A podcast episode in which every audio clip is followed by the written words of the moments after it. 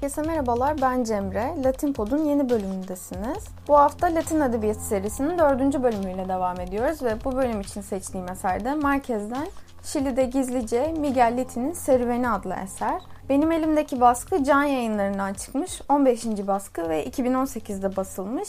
İlk Nur Özdemir'in çevirisi. Ne anlatıyor bu kitap? Miguel Litin aslında bir yönetmen, Şilili yönetmen. Ancak Pinochet döneminde Allende'nin devrilmesinden sonra sürgüne gönderiliyor. Ama Pinochet döneminde yaşananları bir belgesele dökmek için kılık değiştirerek, kimlik değiştirerek Şili'ye tekrar dönüyor.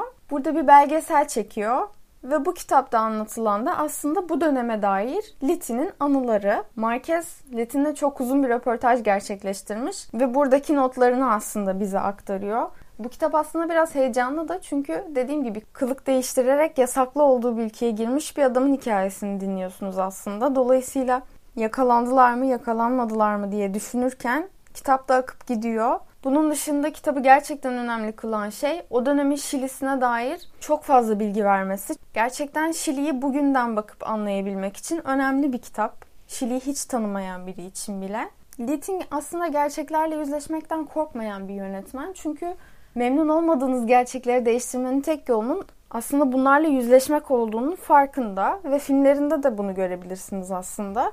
Onun anılarını okumak gerçekten keyifliydi. Şimdi biraz hem onun psikolojisinden hem de Şili'de gördüklerinden bahsedeceğim bu bölümde.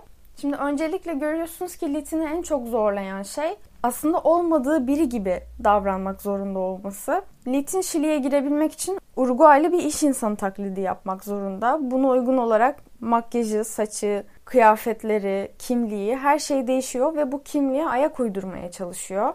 Yine kendi anılarından bahsettiği bir bölüm var mesela. Sokağa çıkma yasağının ortasında sokakta kalıyorlar ve aklına gelen ilk şey annesine gitmek oluyor. Annesine gidiyorlar ve annesinin onu tanımadığını, hatta dayısının da onu tanımadığını anlatıyorlar. Kendisinin bizzat söylemesi gerekiyor ben geldim diye.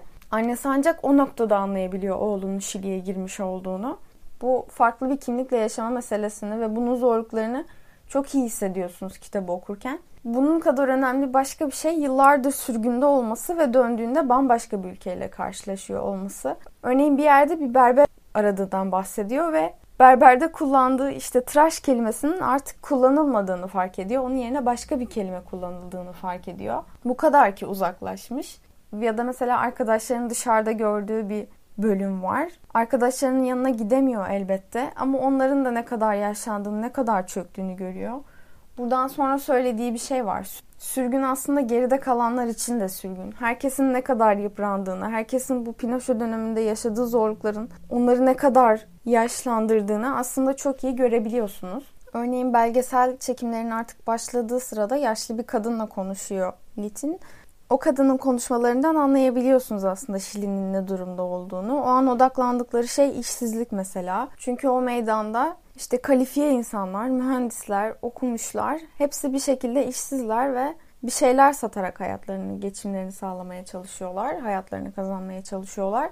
Böyle böyle küçük anlatılarla aslında Şili'de durumun ne olduğunu çok iyi görüyorsunuz. Yine anlattığı başka bir hikaye var mesela Santiago'daki bir meydana dair. Bu meydana Santiago'lar Sebastian Acevedo ismini vermişler. Hikayesi de şöyle. Sebastian Acevedo bir işçi ve çocukları silah bulundurmaktan tutuklanmışlar ve işkence görüyorlar. Sebastian Acevedo da eğer çocuklarımı bana geri vermezseniz bu meydanda kendimi yakarım diyor ve söylediğini yapıyor gerçekten. Günün sonunda kızıyla görüştürmüyorlar çünkü yanıkları kötü durumda, yaraları çok kötü durumda ve kızın onu böyle görmesinin doğru olmayacağını düşünüyorlar. Ama en azından telefonla görüşmesine izin veriyorlar. Bugünden sonra da Santiago'lular bu meydana bu adamın ismini veriyorlar.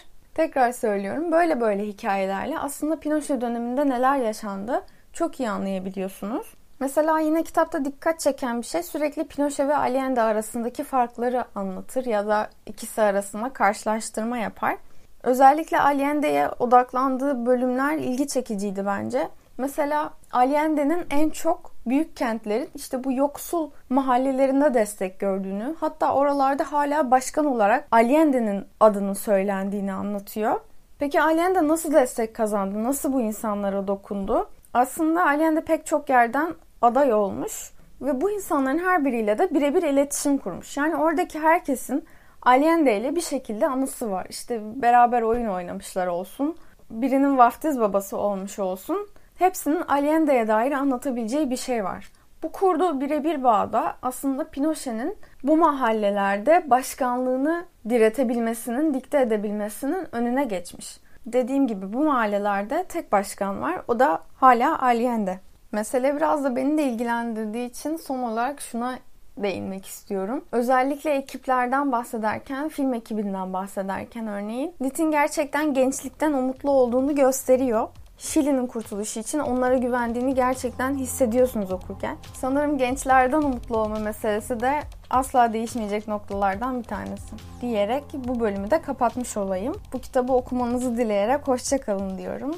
Haftaya görüşmek üzere.